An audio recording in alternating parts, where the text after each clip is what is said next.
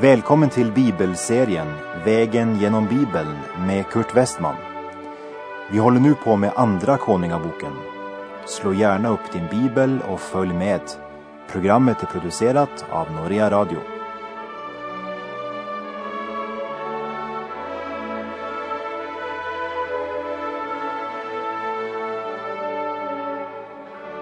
Vi avslutade förra programmet med att se att Jotam, som blev kung i Juda efter sin far Ussia, han gjorde mycket som var rätt i Herrens ögon. Men samtidigt så tolererade han avgudsdyrkan. Kung efter kung undgår att ta ett uppgör med avgudsdyrkan. Det vill säga man visar tolerans för sådant som Gud hatar. Och därför började Herren vid den tiden låta Juda hemsökas av Resin, kungen i Aram, och av Peka, Remaljas son. Trots den här hemsökelsen så besinnar man sig inte, utan man fortsätter på samma väg som vi ska se när vi nu ska vandra genom kapitel 16. Och när vi vandrar genom Andra Kungabok kapitel 16 kommer du att upptäcka att kapitlet är inte bara intressant rent historiskt, men det innehåller också en viktig andlig lärdom. Mycket av det som står i den här delen av Guds ord är verkligen lärorikt. För allt det här blev ju nedtecknat för att vara oss till lärdom.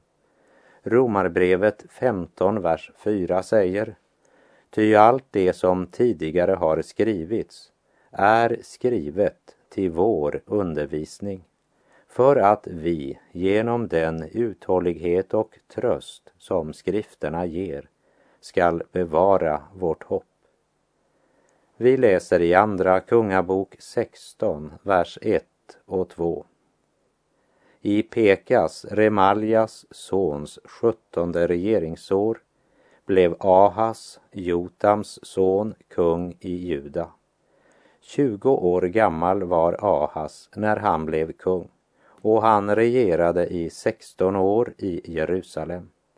Han gjorde inte vad rätt var i Herrens, sin Guds ögon, som hans fader David, utan vandrade på Israels kungars väg. Ja, han lät också sin son gå genom eld enligt den vederstyggliga seden hos det folk som Herren hade fördrivit för Israels barn. Peka regerade i 20 år i Israel innan han blev mördad. Och i det sjuttonde året av hans regering då blev Ahas kung i Juda.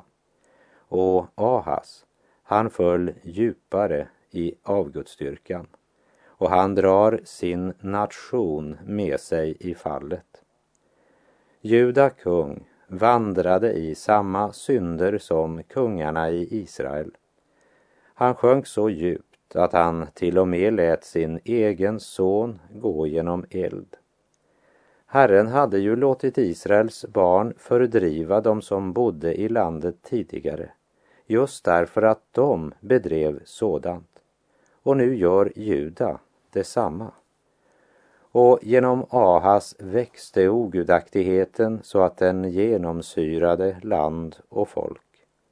Och med kungen som förebild frambar man offer och tände offereld på höjderna och kullarna. Vi läser Andra Kungabok 16, vers 5. På den tiden drog Resin, kungen i Aram och Peka, Remaljas son, Israels kung, upp för att erövra Jerusalem. Och det inneslöt Ahas, men kunde inte erövra staden. I profeten Jesaja kapitel 7 ges mera detaljer om